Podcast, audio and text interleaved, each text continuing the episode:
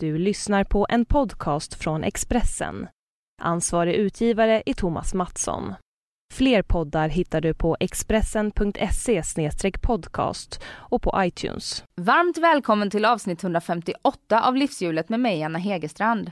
Den här veckan är det tre år sedan jag sände mitt första avsnitt av podden och jag är såklart otroligt glad och tacksam för att den har kunnat växa och leva kvar genom alla er trogna lyssnare. Genom åren har jag haft många intressanta och kul gäster och podden har ju även fått sig en makeover formatmässigt. Du som har varit med länge minns kanske att jag från början delade upp intervjun i livshjulets olika tårtbitar.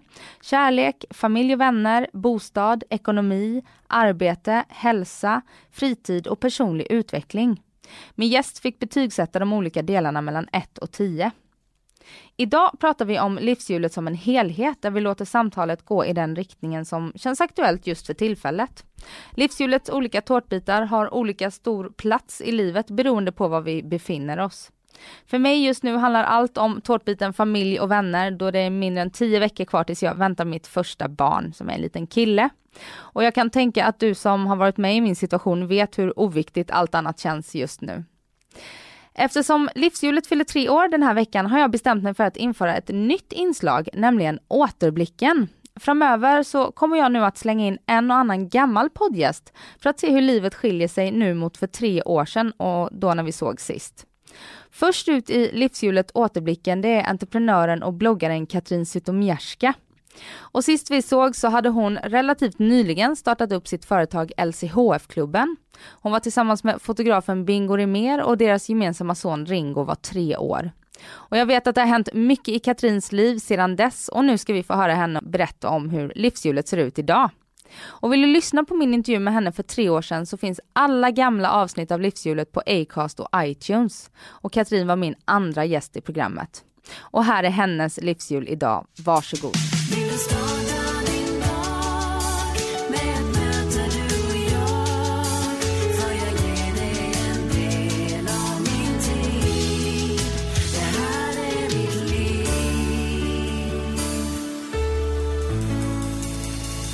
Välkommen Katrin.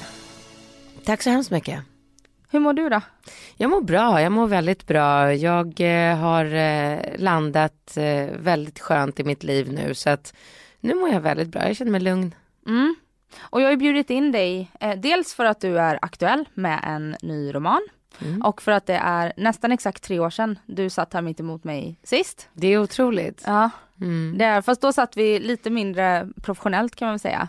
Ja men det var lika no bra. No offense Adam men Det var bra. Ja, jag har ju lyssnat på det avsnittet för att göra research för det här. Ja. Och man var ju inte riktigt varm i kläderna då. Jaha, men gud vad spännande. Så du kommer vara helt på hugget idag eller? Ja, ja visst. Ja, vad kul. men det är du van vid. Ja, absolut. Nej, men, eh, men det, vi kallar ju de här avsnitten för liksom återblicken då. Så här, vad, vad har hänt nu tre år senare? Ja. Och det som har hänt är ju då din nya roman. Mm. Som du satt och höll min, på. min nya roman eller min nya riktiga roman eller den bokromanen eller. Det är mycket romaner i mitt liv nu nämligen. Ja det är så. Men om vi kör bokromanen först okay. ja, men jag måste bara veta vad vi är så att jag inte svarar fel. Börjar prata om mitt privatliv. Ja, jag värmer upp med, med jobbet så kommer ja, vi in på det privata. Ja men det är bra, det är bra.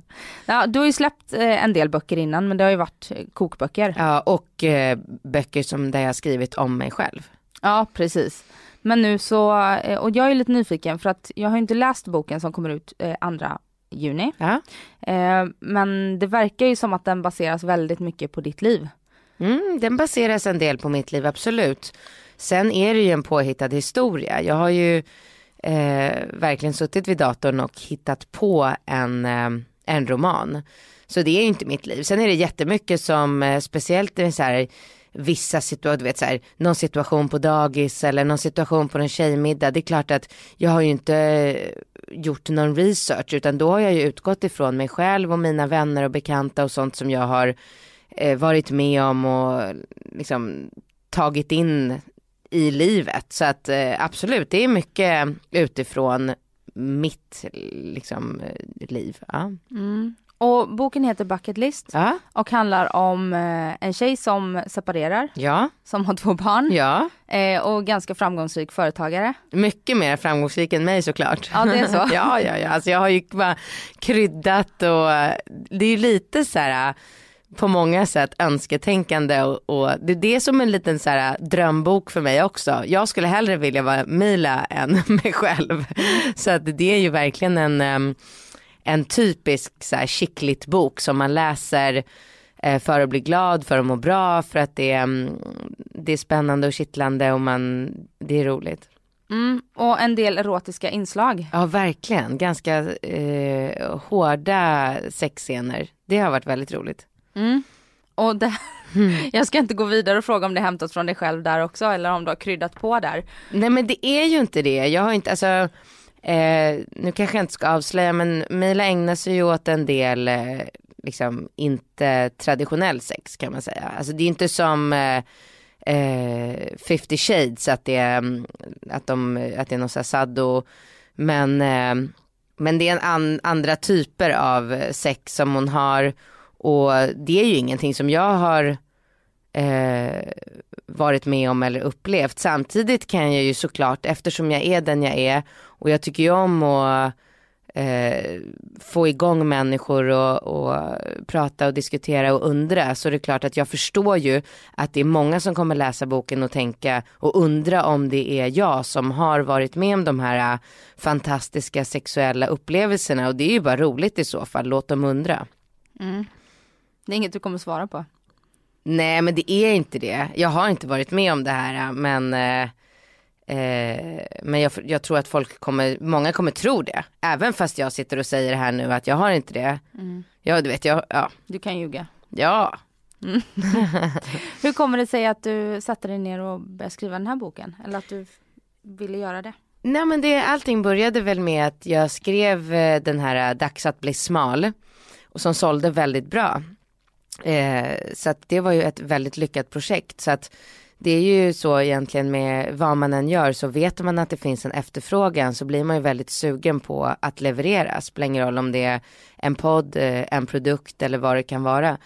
Eh, så att jag har ju haft i bakhuvudet de senaste sex åren att Um, om jag bara klarar av att skriva en roman så tror jag att det finns ganska många människor som kommer vilja köpa och läsa den.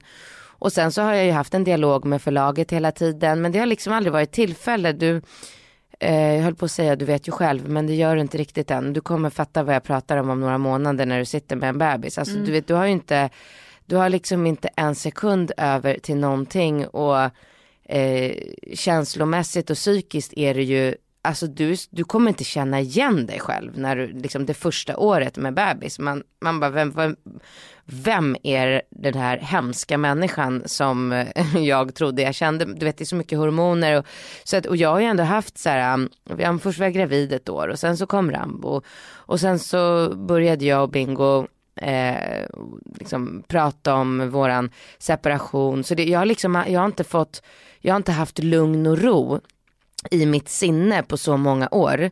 Så att eh, det har aldrig varit aktuellt. Jag har aldrig tänkt så här, åh nu, det, nu sätter jag mig nog ner och skriver en kärleksroman. Alltså, du vet, allting handlar ju om eh, vilket humör man själv är på för att kunna skriva en bok. Men sen så när jag och Bingo väl kom fram till ett bra avslut och vi bestämde oss för att separera eh, och vi började spendera mer tid ifrån varandra och förra sommaren så satt jag väldigt mycket på landet själv med barnen. Då, var, då, då kände jag så här, när barnen gick och la sig vid 8-9, då hade jag en hel kväll framför mig själv på en ö med bara kluckande vatten och en fantastisk solnedgång. Så att jag tog datorn och tänkte så här, men fan jag provar och ser liksom om, det, om jag kan få ur mig någonting. Och det fick jag ju verkligen, gick hur lätt som helst. Mm. Hur lång tid tog det att skriva? Jag skrev, eh, jag skrev i eh, typ tre veckor, några timmar om dagen, där förra sommaren. Sen eh, åkte jag till Göteborg och gick på Way Out West med en tjejkompis och där träffade ju jag min nya kille. Eh, så då förstördes ju precis allting eftersom den här boken, den skulle, alltså jag hade ju bestämt mig för att boken skulle handla om en eh, nyseparerad småbarnsmamma som ska ut på knullturné. Mm. Alltså det var inga jävla förhållanden och jag hade sagt det till, eh, eh, till förlaget också att ehm, eh, det, jag vill inte skriva en bok om jag blir tvingad till ett eh, liksom, så här klassiskt happy ending, alla levde lyckliga. Jag, jag vill inte det för att det var inte där jag var i mitt liv själv. Jag ville skriva en bok, en modern, nytänkande bok som, eh, som skulle handla om att man faktiskt kan leva själv som framgångsrik kvinna med barn och vara lycklig i det. Så att när jag bara efter liksom några veckor efter att jag började, eller jag hade skrivit jättemycket på boken innan jag träffade honom som tur är, annars hade det aldrig blivit en bok. Så träffade jag honom och det är bara så här, äh, himlen öppnade sig och livet stannade upp och det, gick, jag fick, det var tvärslut, jag kunde inte skriva ett ord mer. Ehm, så att då skrev jag ingenting på fyra månader, alltså inte ett ord utan jag bara la ifrån mig boken och bara det är ingen idé. Jag kan inte sitta och skriva om en tjej som ska ut och bara ligga runt och härja och kröka och festa och leva glamourliv i LA när jag själv går runt och bara är nykär och kvittrar och jag hade liksom inte, det fick inte ur mig någonting. Um, men sen som tur var så var ju det här ett uppdrag från förlaget så att jag hade fått ett förskott och jag hade deadline och det var ju som, mer som ett jobb för mig. Det var inte så att jag kunde sitta och vara romantisk som jag ser mycket på Instagram folk skriver så här, åh nu ska jag skriva en ny roman, nu reser jag iväg och sitter med fladdrande linnegardiner och skriver på min bok och tar ett glas rött och alltså jag känner inte igen mig alls i det där. För mig var det här verkligen ett, ett jobb. Så att då slutade det med att jag till slut eh, gick upp på morgonen, åkte och lämnade barnen på dagis, kom hem, satte på timern, satt vid skrivbordet hemma och bara knappade, bara skrev, skrev, skrev, skrev, skrev tills boken blev klar. Eh, och då klart att det blev ju en annan vändning på boken eftersom jag befann, och det sa ju hon, jag hade en dramaturg som jag bollade med, en fantastisk eh, Eh, vilket fantastiskt yrke, jag blir så otroligt imponerad. Jag tycker att det är så jävla coolt med en människa som, som har den förmågan. Du vet, jag skrev och så mejlade jag till henne och sen fick jag feedback. Så här, ja ah, det här är bra men om du gör så här så blir det bättre. Och så bara får man så här, det här är ju lyxen man har av att ha liksom det här som ett uppdrag. Att man har så mycket professionella människor runt sig. Som, och reda, min redaktör också, det har ju varit så jag bara, ah du är ett geni. Jag har bara mejlat henne och bara, åh hur kan du komma på så himla bra saker. På sånt som jag hade skrivit men bara twista till det hela tiden så att det verkligen har blivit ett så otroligt mycket bättre resultat. Eh, men i alla fall, men jag räknade lite på det och kom fram till att jag om effektiv tid två månader, om, om jag skulle sitta, ta liksom all tid och klumpa ihop den från eh, så åtta timmars dagar så är det två månader effektiv tid har det tagit att skriva boken. Det är ändå ganska bra. Sen har det varit utspritt på ett år. Eller på ja, typ åtta månader. Men, Just det. men jag skriver väldigt fort. Ja, men du känns som en effektiv person Ja, som gör det mesta väldigt fort. ja absolut. Snooze and you lose. Verkligen, verkligen. Jag är sjuk, jag börjar bli mer och mer imponerad över mig själv hur otroligt effektiv jag, jag är. Blir man inte också ännu mer effektiv när man får barn?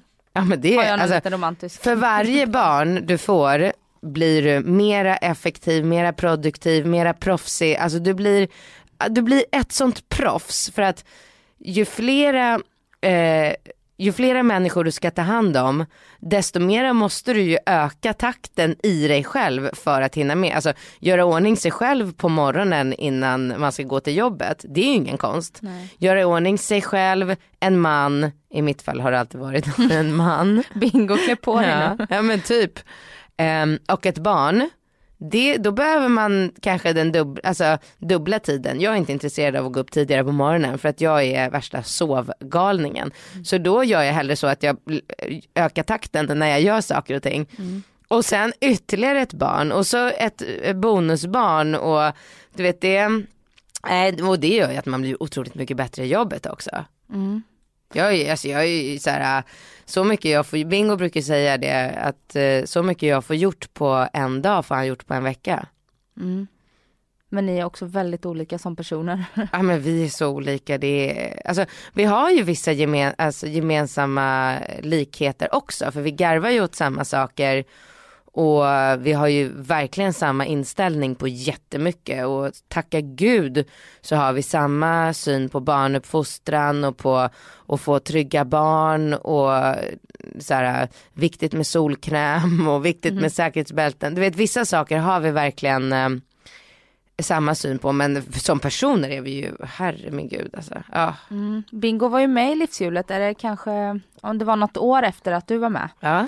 Eh, så pratade vi om det och då så sa han det att ah, men jag kan tycka att Katrin, det blir så osexigt för att allt blir liksom business för henne. Jag vill göra av lust och eh, du vet så här, lite när jag känner, vänta på att aktiviteten ska komma och du vet sådär. ja. Och jag är ju mer som dig. Men de flesta kvinnor är så. Ja, och min kille är mer som Bingo. Självklart. Så att jag vet precis eh, hur det är. Sen så finns det ju extremer liksom. Visst. Eh. Men sen finns det de som är eh, mer eller mindre på den här skalan. Ja.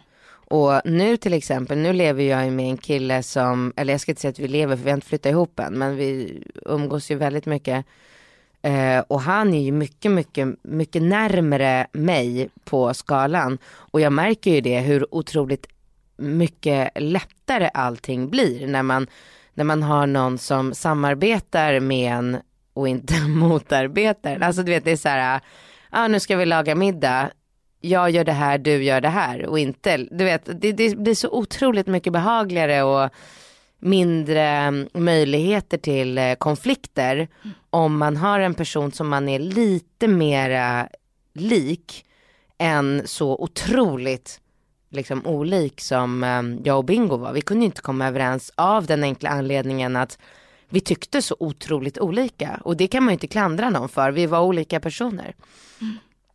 Men det låter ju som när du berättar om Way Out West förra året att du blev himlastormande förälskad. Ja. Så Jätte, jättekär. Ja, Men ändå nu så har du träffat en person som det funkar bra att leva ihop med. ja. Eh, Men det är ju samma person. ja, ja precis. Men, men var det viktigt för dig? Började du kika på det? Att ja, de här faktorerna måste funka nu efter att ha levt med en person som är så jätteolik. Absolut inte. Absolut inte. Det var bara ren kärlek. Ja, det var, eh, för det första så hade jag ju verkligen bestämt mig för att jag aldrig mer i hela mitt liv skulle ingå i en relation. Nej, jag läste det Men det är inte min grej, vad läste du det? i Expressen. Att du vill eh, leva öppet och Ja. liksom suga ut det bästa av livet och så Precis. här olika. Men, Ja. men sen blir man kär.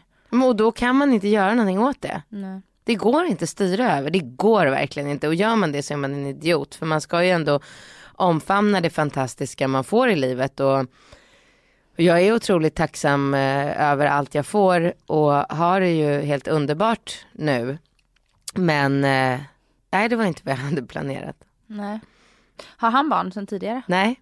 Och då följer ju en naturlig fråga. Kan du tänka dig att ha fler barn? Ja, absolut. Ja, det är så? Ja. Mm. Sist vi eh, satt här då för tre år sedan Ja. så berättade ju du att du hade varit hos ett medium ja. och att hon hade sagt att du skulle bli gravid inom ett halvår och att det skulle bli en liten flicka. Men absolut, alltså tanken är ju att jag är gravid inom ett halvår. Det skulle jag säga, det är. Jo men det är. Ja, ni får ligga på då helt Ja.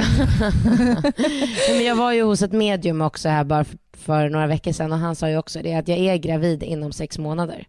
Oj, spännande. Mm, så jag är helt säker på det eftersom jag tror ju verkligen på det. Ja. Mm. Och det kommer bli inom en tjej. sex månader vet vi. Och det Ja. kommer bli en tjej. Japp. Kul. Mm. Grattis. Tack, tack. Ja, vad sjukt att det aldrig blev en flicka. Nej. Nej. nej men alltså du fattar inte, jag var hos fyra olika medium Mm. och alla sa att det skulle bli en flicka. Och så kommer Rambo, han är i och för sig lite som en flicka men han är ju ingen flicka. Nej, men du visste ju då för du var ju gravid. Ja. Det var ingen annan som visste det. Nej. Du och Bingo förhoppningsvis. Mm. Ehm, och så blev det en liten kille. Mm. För att då så, då så sa ju du det att Nej, men jag kommer få två barn. För att ditt medium hade sagt det. Ja. Ehm, men nu så kanske det blir tre barn då.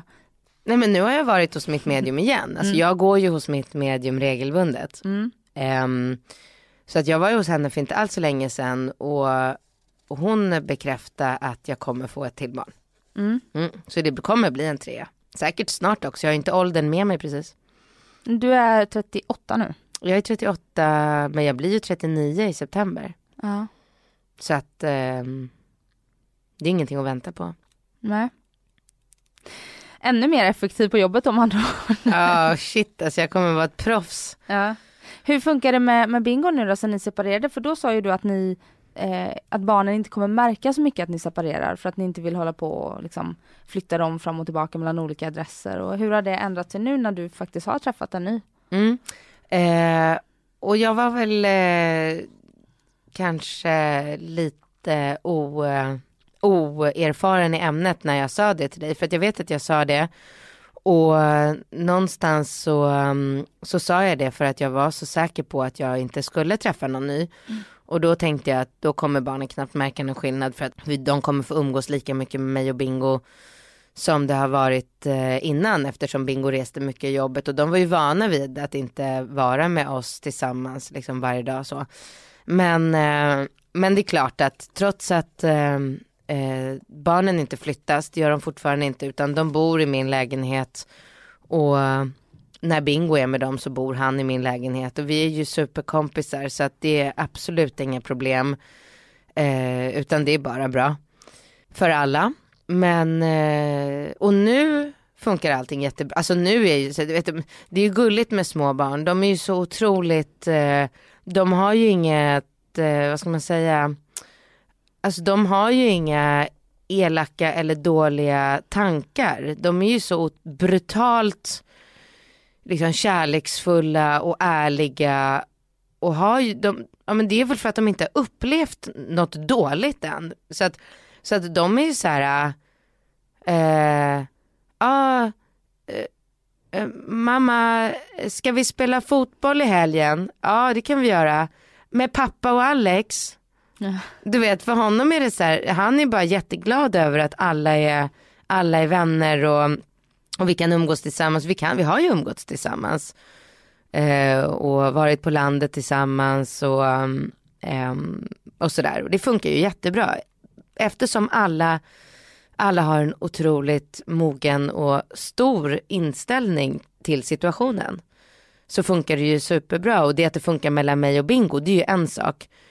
Eh, men att min nya kille då, Alex, eh, också liksom visar att han, eh, han vill gärna göra det han kan för att alla ska vara, eller framförallt då barnen ska vara glada. För att om inte barnen är glada så är inte jag glad. Nej. Så han är ju en smart person. Han fattar ju att det är ingen idé för honom att eh, ens tänka, det skulle han inte göra för att han är en genomsnäll människa. Men eh, om han skulle börja bråka eller tycka att eh, du ska inte spendera tid med ditt ex eller sådana saker. Då skulle jag ju bara bli en dålig människa och då skulle det gå ut över honom ändå. Det är så, jag tycker att den här ekvationen är så otroligt enkel och tydlig och bara så här, finns ingenting att, att undra eller dividera om. Därför blir jag så väldigt fascinerad över alla de här människorna som håller på och bråkar mm. när de separerar. Jag fattar inte det. Jag fattar inte. Alltså barnen och ah, jag kan inte ens gå in på det för att jag är helt chockad och människor ska mötas i rätten och mm.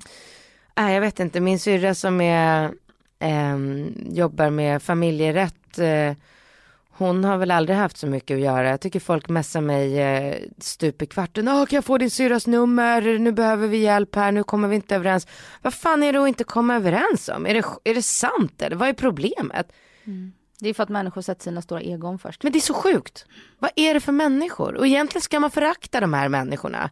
Man ska inte ha dem i sin närhet. Alltså träffar man någon som eh, berättar att de är i konflikt med sitt ex när de har små eller till och med stora barn också. Då borde man bara säga så här, du är en jävla idiot, du kan dra åt helvete, jag vill inte prata med dig ens. Nej, och använder barnen också som medel. Åh oh, fy fan, åh oh, fy fan. Alltså, gud, jag dör. Alltså du vet när, när mina barn frågar efter eh, eh, Bing, för det, det är ju också så himla gulligt med små barn, det är att de, de ger ju, alltså de visar ju lika mycket kärlek för pappa Bingo som för Alex. Alltså de tycker, jag, jag ser ju det på dem, de tycker ju att det är lika fantastiskt att umgås liksom med båda de här två. Sen förstår jag, jag är inte dum i huvudet, jag fattar att de har en ett annat band till sin biologiska pappa, självklart. Mm. Men jag märker ju ändå att det är så här, om vi, en, om vi spenderar några dagar tillsammans eh, med, med barnen, då är de ju så här, vad är pappa, när får vi träffa pappa? Och då har ju vi det här fantastiska upplägget så att jag alltid kan säga så här, ja men du får träffa pappa imorgon, i värsta fall i övermorgon. Mm. Så att det ligger alltid nära till hands.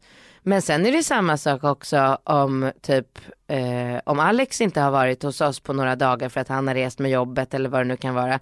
Då blir det ju så här, då undrar de ju var Alex är någonstans och varför inte kommer inte han hit och leker med oss. Mm. På, och det är, så, det är så härligt med barn för det gör ju att mitt dåliga samvete och min ångest dämpas ju så otroligt mycket när jag får känna att de är glada över att få vara med människor som älskar dem och det är okej att det varierar lite. Att ibland är det pappa, ibland är det Alex, ibland är det mamma, ibland är det någon annan.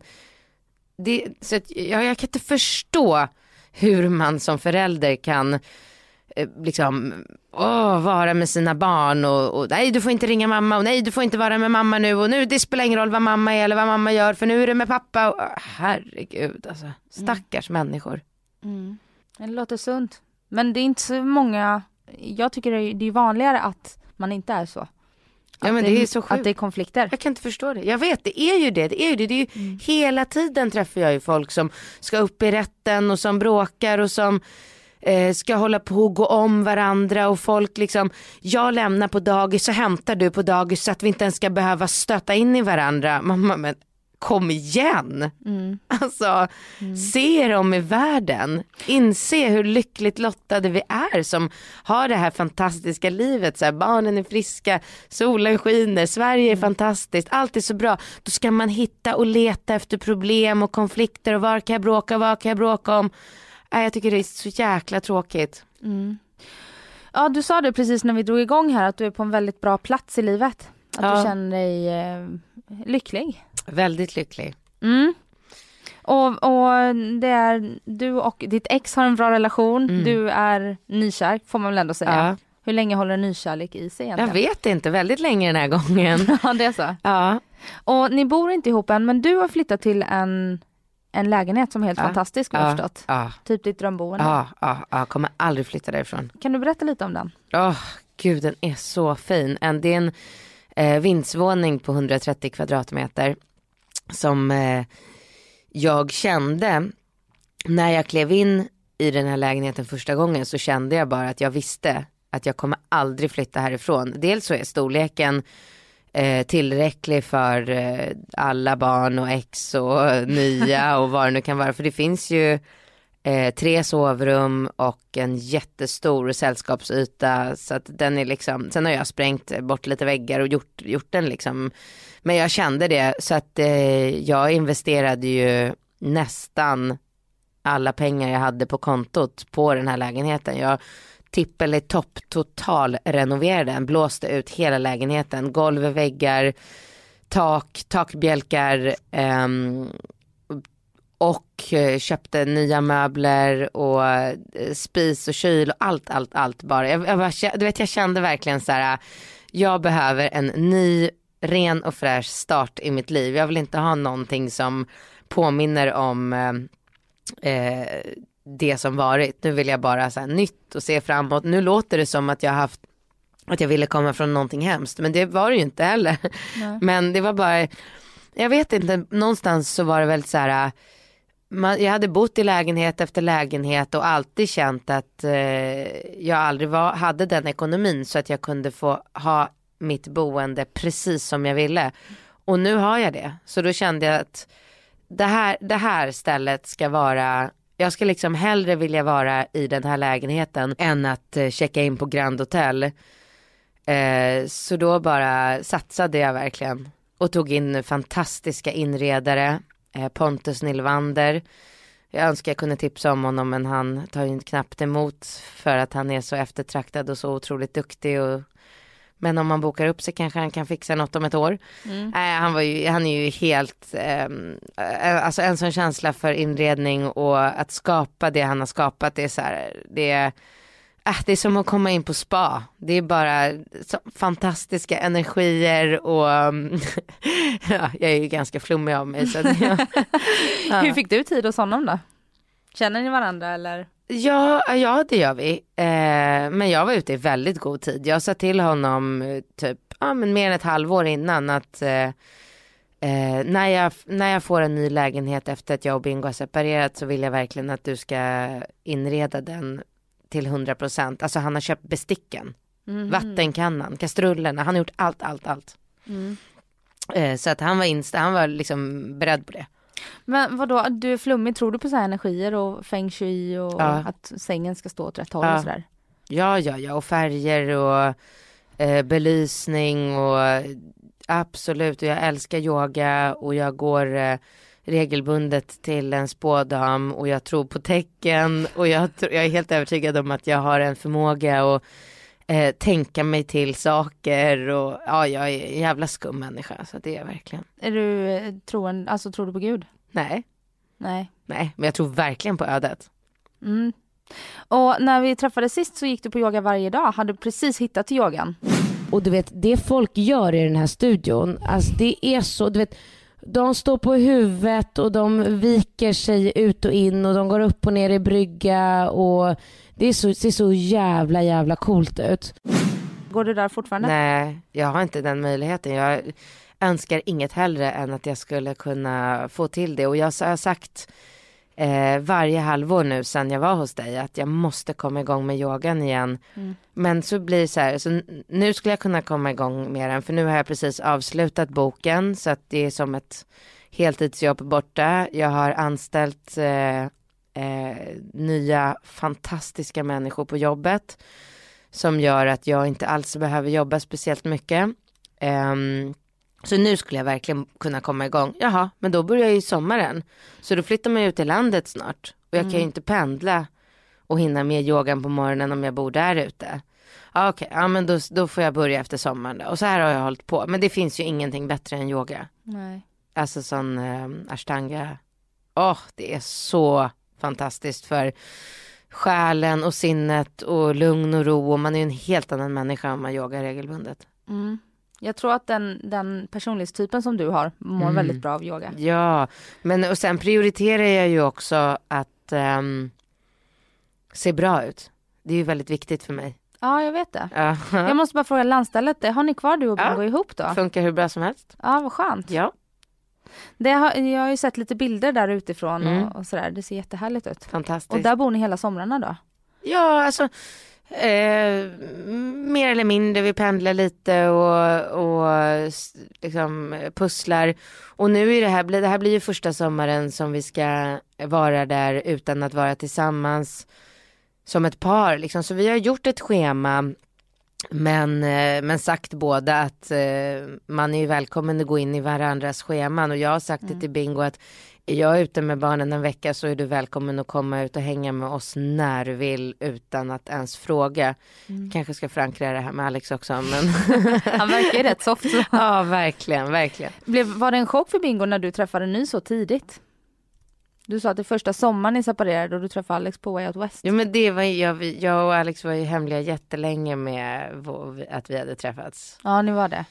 Det var ingen som visste om, ehm, eh, men eh, nej, han var inte så chockad. Sen berättade jag, Bingo var den första jag berättade för. Eh, och då sa Bingo bara att ah, men det, har jag redan, det har jag redan fattat. Liksom. Mm. Så att nej. Nej, Du är mycket eh, lenare i... ja, som person nu. Ja, ja, men gud det var ju så roligt. Det sa ju Bingo ofta till mig. Så gud, eh, barn, ser ni vad glad mamma är nu? Och jag bara, ja mamma, ja, hon är glad nu. Mamma mår bra. Mm. Ja, du sa att du prioriterar att se bra ut. Jag vet att eh, du, din PT är en eh, ytlig bekant till mig kan man väl säga. Från Mm. Jönköping, Filip Mm. Lailani. Mm. Går du hos honom fortfarande? Jag kommer aldrig sluta gå hos honom. Nej. Det Han var han som, som fick ner dig från, var det 90 till 60 kilo eller något sånt där? Ja, 89 till 55. Ja, Mm. då för ganska många år sedan nu. Ja, första gången med Ringo. Efter att jag hade fött Ringo och väntat i fyra veckor eller vad man nu skulle vänta efter snittet där när man fick börja träna igen. Eh, då fick jag ner mig. Men alltså det, det fantastiska, det bästa med Filip tycker jag. Det är att ehm, man känner knappt att man eh, jobbar hårt. Alltså det är inte, det är inte vidrigt att träna när man tränar med honom utan det är trevligt och behagligt och det ger resultat. Mm. Det tycker jag är imponerande. Mm. Att det, alltså, det är klart att det, det händer att vi har pass där jag är så här, åh det har så ont, jag kan inte gå. Men oftast så är det som att så här, alltså nu har vi ju hängt i så många år också så nu vi anförtror oss ju jättemycket till varandra och pratar om personliga saker och livet och Mm. det är så här, det är helt grymt att gå och träna med Filip en timme. Vi verkligen så här pratar som två polare samtidigt som vi gör lite övningar och sen går jag därifrån och sen så får jag skitbra resultat. Mm. Hur mycket kör du med honom då? Nu kör vi två dagar i veckan och har gjort det ja, den senaste tiden. Jag har tyvärr inte tid med mer. Nej men två dagar i veckan med PT, det ger ju ändå bra resultat. Du ser ut att vara i form. Typ tre kilon kan försvinna eh, och så kan jag bara deffa ner mig lite. Jag håller på med slutdeffen nu så att jag äter bara broccoli och broccoli och broccoli, broccoli, broccoli. Mm. Och LCHF kör du fortfarande? Nej, det gör jag inte. Nej. Det finns ingen, eh, alltså det finns ingen orsak att eh, begränsa mig, för jag behöver inte det. Eh, sen, eh, jag äter ju såklart, jag äter ingen gluten och jag äter inga mjölkprodukter och jag äter inget kött. Och, alltså det känns som att jag äter det som jag är sugen på utan att tänka och det funkar väldigt bra. Men för att det är ju så enkelt att, alltså äter jag en pastarätt då går jag runt och pruttar i ett dygn sen. Jag är inte su jag tycker inte det är något kul, det är inte värt det på något sätt. Så gott är det verkligen inte. Det är ändå såsen som gör pastan. Så jag ser ingen orsak till att äta. Men däremot eh, äter man eh, en middag eh, och som min kille han är potatisproffs. Så att eh, när han gör så här tunna tunna potatisklyftor i ugnen. Mm. Ah, alltså det är ju Jävla så gott. Ja men alltså det är så gott, det är gott. Sen när de så här kallnar, då sitter man ju hellre och äter dem framför tvn än eh, chips eller någonting annat. Så att, och det är det jag menar att jag eh, idag så, förut i hela, alltså de senaste sex åren så har jag varit så här, nej, ingen potatis, kan inte tänka mig att provsmaka en klyfta. Jag har varit så här, jag är ju så liksom, ja eller nej, allt eller inget. Men idag har jag blivit mycket mera så här lagom liksom. Herregud, det händer ingenting om jag äter lite ljuvliga potatisklyftor en dag i veckan. Spelar ingen roll. Men annars på veckodagarna sköter jag mig exemplariskt och jag tränar och jag springer minst två dagar i veckan utöver det här. Och äter eh, verkligen bara så här eh, ekologiska kycklingbröst, eh, torsk, lax, lite, lite kokt potatis ibland. Broccoli, broccoli, broccoli. Ja. Och dina produkter har också bytt namn från LCHF-klubben till Clean Eating. Mm. Och det var egentligen anledningen till den var att vi skulle lansera utomlands, USA och Kanada. Mm. Och bara, vi kan ju inte heta LCHF-klubben. Det är ingen som kommer liksom ta till sig det. Nej. Ehm, så då kom vi på, jag tror det var Louisa, min um, stjärnprojektledare. Som bara så här, fan ska vi inte bara dö- döpa om produkterna till clean eating? Det är så otroligt eh, ty- klart och tydligt för alla i hela världen. Ja, Mm. gjorde vi det. Och det är vi väldigt glada för idag, att vi döpte dem till det och tog ehm, köpte till oss den hemsidan och så för idag hashtaggar ju varenda människa clean, Clean eating och ja. René Voltaire eh, skriver ju clean eating på varenda instagraminlägg. Det är ju fantastiskt för oss. Ja. Det är bra. ja, och då när vi såg sist så hade du precis startat upp en fabrik i Hedemora för att få upp volymen på dina produkter för att du fick väldigt mycket förfrågningar från ICA-butiker och sådär som du var tvungen att tacka nej till. Så att det är bra grejer och, det, och nu har jag precis startat en eh, produktion i Hedemora. Så att jag, jag måste ju börja producera, alltså jag måste ju få upp volymer. Ja. För så som det är nu så kan, måste jag säga nej till eh, liksom när ICA Maxi vill börja köpa in varje vecka. Det går inte för att jag har inte möjlighet att tillverka. Alltså det är så sjukt att det här är för tre år sedan. Mm. Alltså det, det är så sjukt för att Åh, ja, jag blir helt så här paff när du säger det där för att sen dess så har jag inte bara vuxit ur eh, eh, fabriken i Hedemora utan startat upp inte en utan två fabriker i Polen för att jag har sen de här tre åren hunnit liksom växa ur först Hedemora, sen första fabriken i Polen och nu har vi dubblat den så att det är eh, liksom 14 anställda och en jättefabrik där nere. Eh, vi är inne med åtta av produkterna ho- hos ICA centralt. Vi eh, säljs på Hemköp och Citygross och Mm. det har ju, alltså gud det har ju hänt så mycket på de här tre åren så att det är helt otroligt. Mm. Jag eh, har, får ju några sådana här, eh, får för mig ibland att jag ska gå på LCHF. Du vet när man känner sig svullen Ja, och ja, ja. man har krökat mycket och sådär. Mm. Så hade jag en sån period i höstas. Krökat mycket säger du, höggravid. Nej, men- Det var ett tag sedan va? Ja det är väl lite sju månader sedan nu. Eh, nej men, men i höstas och då så eh, käkade jag jättemycket müslin och Mm. knäckebröden. Ja, fantastiskt. Och det är bara det att det här var första åt- åtta veckorna då jag inte visste att jag var gravid. Så jag tömde ju min kropp på kolhydrater de första åtta veckorna under graviditeten. Mm. Och sen när jag väl fattade att jag var gravid till, i slutet där så kände jag ju inte för att äta den här LCHF-maten liksom. Nej. Det enda jag ville ha det var bara potatis, Vitt bröd. vitt bröd, pannkakor, Ja. socker. Jag, jag, Jag fyllde vet. på, jag tror jag gick upp fem kilo på, på en månad där sen för jag bara satt och åt. Mm. Men jag, eh, du gick väl på LCHF när du var gravid med Rambo? Alltså så här, när jag var gravid med Ringo höll jag på precis så som du sa nu. Ja. För att jag inte visste bättre. När jag Ja. var gravid med Rambo, då var jag ett LCHF-proffs. Så att då vid den tidpunkten så hade jag 100% stenkoll. Var jag sugen på spaghetti pesto som jag vräkte i mig när jag var gravid med Ringo. Av någon orsak ville jag bara äta kokt spaghetti med pesto. Ja.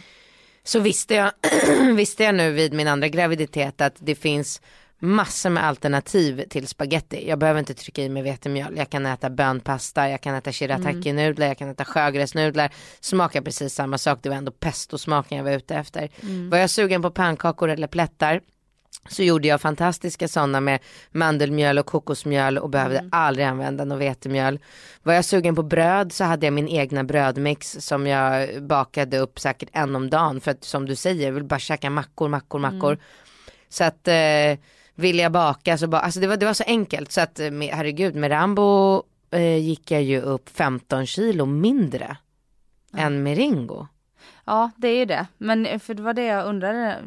För jag var ju verkligen bara sugen på den här skitmaten Mm. som man ät, åt när man var barn, du vet. Ja, ja visst. Så det var därför jag undrar hur det funkar liksom för en LCHF-are när, Mm. när du vet illamåendet börjar sätta in och Ja. man blir sugen på vissa grejer. Ja, ja, men då ju, Mm. såg jag till att ha, göra ersättning, alltså Mm. det. Jag åt det, jag var sugen. Jag åt plättar med liksom sylt och grädde och bär och käkade rostisar varenda dag. Bara det att jag gjorde det på ett bra sätt den här gången. Mm. Ja, blir det en till så får vi väl ta tag i det man lär sig hela tiden. Ja, man gör ju det. Ja. Och, och businessen där går fortfarande bra utläser jag. Gud Så. ja, det rullar på och jag har eh, framförallt så har jag ju så otroligt duktiga och engagerade anställda. Det är ju de som, eh, det är de som gör det. Jag gör så lite. jag, jag bara är känns det som. Eh, Okej, jag gör väl lite, det gör jag ju. Du är Men ju PR-maskinen kring det. det är jag absolut. Och eh, det är klart att jag kommunicerar ju med Polen, det är ingen annan som kan. Eller jo, nu kommunicerar de på engelska också faktiskt. Men ehm, äh, det är tack vare alla som jobbar hos mig som, eh, som det har blivit en sån framgångs, framgångssaga verkligen. Det är fantastiskt. Det, är, det går jättebra och jag är supernöjd och Nej, det är, det är orättvist. Alltså det, man, man ska hata mig. Mitt liv är absolut alldeles för bra och för perfekt. Och jag har absolut för bra på alla plan. Är du en sån som kan vila i det då eller tänker du att ah, nu kommer det komma någon skit? Nej men ibland kan jag tänka, det beror på vem jag pratar med. Men många människor är ju väldigt negativa så det är väldigt lätt att prata med någon och, och liksom dras in i det här, ja ah, men efter en fantastisk period så kommer alltid en dålig period och ja men eh, själv så tänker jag aldrig, aldrig så. Och jag, jag har blivit eh, väldigt mycket bättre på att stanna upp i stunden och njuta och bara så här gud vad vi har det bra, vilken fantastisk dag vi har haft. Och, och Ringo är ju så här eh, urgullig, åh vi har haft så himla mysigt idag mamma, du vet vi var på landet hela helgen, det var bara strålande sol och vi har åkt båt och ja men det har varit så fantastiskt. Och äh, man känner att man verkligen mår bra. Sen är ju jag sån jävla hormonmänniska så att det är ju hemskt, alltså hemskt. Du vet om jag befinner mig mellan två mens, mensar, menser, men, Mm. mens. Typ ägglossning? Ja men då är jag världens bästa människa. Du kan ju inte hitta en roligare människa att umgås med. Mm. Jag är ju bara glad och sprallig och påhittig och kreativ och kul och eh, lagar mat och bakar och städar och ordnar och det är en dröm.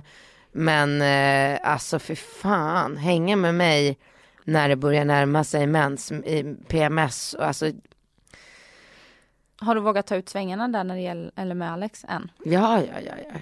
Mm. ja, ja, han har fått uppleva det värsta. Men jag kan inte kontrollera mig själv. Jag blev verkligen ett monster. Minsta lilla, bara hugger och är vresig och otrevlig. Och allt är dåligt och jag är irriterad och det, mm, det, är, inte, det är inte alls bra. Jag önskar att jag kunde hitta något botemedel. Det är ganska många kvinnor som har det och som Ja. har, lider jättemycket av det. Mm. Men man kan väl göra något åt det? Men jag vill inte ta lyckopiller. Jag har provat det en gång. Mm. Eh, sådana här eh, antidepressiva tabletter som man bara skulle ta de nio dagarna före mens eller vad det nu var, jag kommer inte ihåg. Men eh, det förstörde hela min personlighet. Alltså jag kommer, jag kommer aldrig glömma det. Jag bara gick som en så apatisk maskin mellan lägenheten och Humlegården, drog den här vagnen och bara kände så här, är jag glad, är jag ledsen, är jag upprörd, är jag, vad är jag? Jag är ingenting, jag bara går här, jag bara är. Nej, det var aldrig mer. Nej. Så att då, då får det vara värt de här jobbiga perioderna. Men det är klart. det, Har, har du någon strategi? När du märker att det börjar komma att du låser in dig eller att du så meddelar omgivningen att nej men jag jag försöker sur. men det går, det har jag inte lyckats en enda gång. Jag försöker, jag vaknar ju på morgonen och känner. Nu börjar min PMS. Mm. Då skickar jag ett sms till Alex det första jag gör. Nu börjar min PMS. Och då svarar han tack för heads up. Då blir han liksom lite så här glad att jag ändå du vet så här vill kommunicera. Mm. Men det hjälper ju inte ändå. Jag är ändå irriterad och liksom ingen trevlig person att vara med. Hur tänker du framöver? Vill du flytta ihop och bo med Alex? Eller vill du bo själv? Eh, Alltså jag ser nog framför mig att vi kommer bo ihop och mm, speciellt om vi ska få barn ihop, då måste vi bo ihop. Eller? Sanna Lundell och Micke Persbrandt bor inte ihop. Nej, Jag vet, vi pratade om det när hon var här. ja, jag känner mig väldigt Nej, eh, vet, konservativ i jämförelse med de människorna. Ja, Men jag vet, för jag lyssnade på din och Bingos podd också. Ja. Varje avsnitt. Och då pratade ni om att vi skulle ha en superbra relation om vi hade vår egen lya. Ja.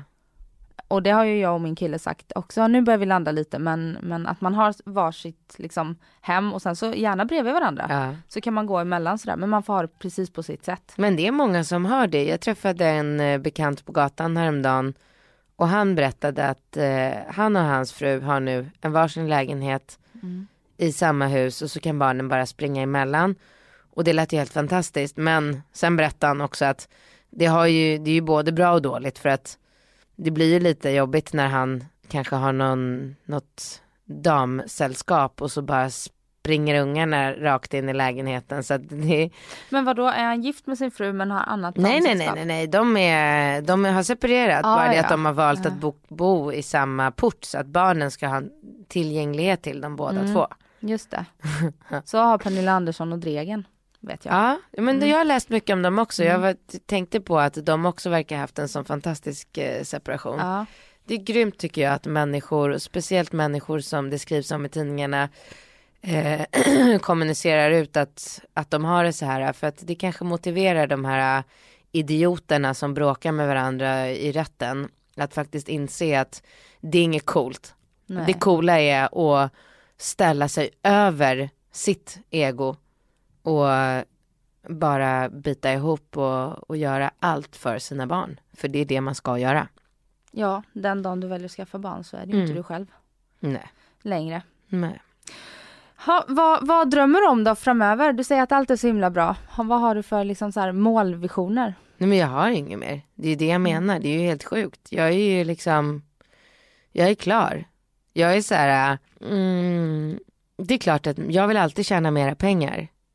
Absolut. Men det är inte så att jag behöver tjäna mera pengar. Jag har tillräckligt bra ekonomi nu så att jag kan göra vad jag vill, när jag vill, köpa vad jag vill. Ja, Okej, jag kan inte. Jag skulle ver- verkligen gärna vilja köpa en, den här nya Bentley jeepen som står parkerad och suktar och irriterar mig varje gång jag går på Grev Turegatan. Det finns ett showroom där nere, Auto Europa. Just det. Och längst fram i det, eh, det skyltfönstret så står en sån fantastiskt fin eh, eh, Jeep Bentley Jeep. Den skulle jag verkligen vilja ha. Och då har jag fått veta att den kostar två och en halv miljon. Och jag har inte det för att kunna köpa en bil. Och det är ju lite irriterande. Så att det är klart att det vore ju kul om jag kunde köpa den. Men samtidigt så är livet så fantastiskt. eh, Så att, och du vet ibland kan man känna också så här att jag vill hellre att det bara ska fortsätta att vara så här än att det ska bli bättre och så ska man behöva riskera att någon, alltså offra något för Ja. att det ska bli bättre. Det vill jag inte. Då vill jag bara att det ska vara så här nu. Det är perfekt. Och en, en sak som vi pratade bara jättekort om sist, det var personlig utveckling är ju en del i det här livshjulet. Ja. Och du bara, vad är det? Ja just det. Ja, och då var inte jag eh, riktigt påläst så jag bara, ja men det är ju Det är att trivas med sig själv sa du då, precis. kommer jag ihåg. jag ja. bara, "Hå- håller du på med det? Du bara, nej. Och så släppte vi det. Ja. Men nu när du börjar prata om din andlighet och sånt där, det, eh, för att alla genomgår ju personlig utveckling liksom. men idag, tre år senare, har jag ju full koll på vad det är, Mm. hur man jobbar med det. Alltså nu förstår jag ju verkligen frågan. Mm. Och vad var den? Ja, men personlig utveckling, var är du i din personliga utveckling idag? Ja, otroligt långt fram. Och jag jobbar med min personliga utveckling varje dag och hela tiden. Och det är, det är en sån utmaning för mig så att ehm, äh, det, är, det är jätte, jätte eh, kämpigt. För att eh, jag, eh, jag mår dåligt när jag inte är med barnen. Jag, eh, samtidigt som jag mår fantastiskt bra eftersom jag är med Alex. Jag kan aldrig få vara, jag kan aldrig få vara liksom 100% eh, lycklig. Alltså jag får aldrig vara, det får aldrig vara 100% bra. För jag har alltid någonting i mitt liv som jag kan lägga, som jag lägger tankeverksamhet på. Är jag med Alex och barnen så tänker jag, saknar barnen sin pappa? Ehm, eh, det räcker med att något barn nämner, alltså att Ringo nämner någonting om sin stora syster så går jag runt och mår dåligt över att han känner att han inte får träffa sin stora syster tillräckligt mycket. Alltså det är så mycket, äh, det är som, och det, det där har jag verkligen inte landat än. Och nu har jag bokat en tid hos eh, någon som ska vara Sveriges bästa psykolog. Har jag fått höra. Jag har gjort lite research. Eh, så att jag behöver verkligen hjälp med att lära mig hur jag ska eh, handskas med de här tankarna. För att jag måste lära mig att njuta av det fantastiska jag har. Och inte hela tiden gå runt och planera för allt och alla, organisera för allt och alla. Det är så viktigt för mig att alla ska må bra och nu har jag och Bingo separerat så egentligen så ska inte jag blanda mig i hur Bingo strukturerar upp sin tillvaro med barnen men jag vet att om jag inte blandar mig i det så blir det inte till det bästa och eh, Bingo har tre systrar och de ska eh, åka till eh, den här stugan. Och det är ju viktigt, för, jag vet att det är viktigt för mina barn att få vara där samtidigt som deras kusiner. Och jag vet att om inte jag tar tag i det så tar inte Bingo tag i det. Och då, du vet det, det är så viktigt för mig att alla ska må så himla bra i min omgivning. Så att det, det tar från min energi och så blir det som att jag prioriterar bort mig själv. Och då är det ju fantastiskt att jag ändå har en barnflicka så att jag har lite liksom egen tid i veckan så jag kan alltid gå ut och kubba på Djurgården och bara rensa tankarna och bara, ah, Det låter som du har en väldigt stor börda på dina axlar ja. som du inte behöver ha och lite så här skuldkänslor. Jo jag behöver ha den. Ja men du kanske kan förhålla dig till den på ett annat sätt. Men Om då du får behöver hjälp. jag hjälp. Ja, Mm. ja. Mm. Det låter ju väldigt sunt i den utvecklingen ändå att du har börjat reflektera över sådana saker. ja. Det är många som går runt och inte är medvetna om det överhuvudtaget. Nej men jag är inte bra på att hålla saker och ting inom mig. Nej.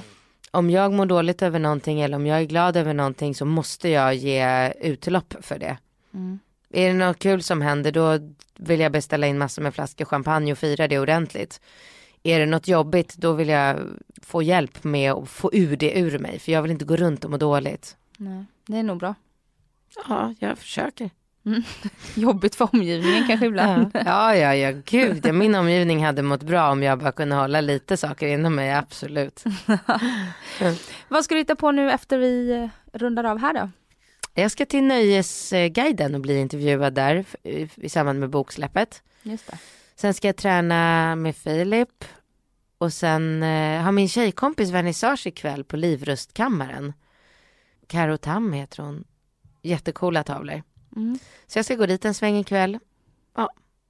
Så Bingo hoppar in och passar barnen trots att det inte är hans dag. Nej. Det är ju skönt att ha den här relationen vi har. Alltså det är ju så enkelt allting. Jag, vi har ju aldrig något problem med så här kan inte gå dit eller kan inte göra det eftersom vi har ett så vi hörs ju varje dag jag och Bingo. Kan du göra det? Kan du fixa det? Och, jag gör det här på landet så gör du det och det är så otroligt skönt att bara ställa upp för varandra, hjälpa varandra för då har ju alla det bra. Mm. Härligt. Mm. Tack snälla för att du kom hit och gästade mig så här tre år senare. Ja, Fanta, hoppas jag får komma om tre år igen. Ja, det hoppas jag också. Mm. Och lycka till nu med allting och bok och, och bebisplaner och grejer. Men lycka till med din bebis. Vet du vad den, eller har ni bestämt vad den ska heta? Ja, Har du sagt det öppet? nej. Nej, Jag okej. kan säga det när vi stänger av. Okej. Okej. Ha det så bra nu Katrin. Detsamma. Hej. Hej.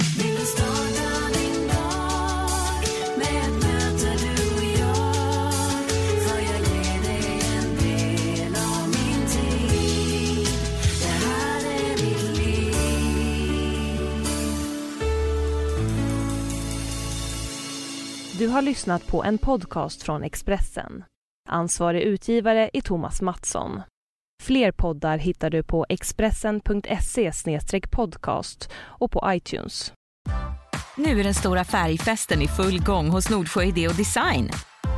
Du får 30% rabatt på all färg och olja från Nordsjö. Vad du än har på gång där hemma så hjälper vi dig att förverkliga ditt projekt. Välkommen in till din lokala butik.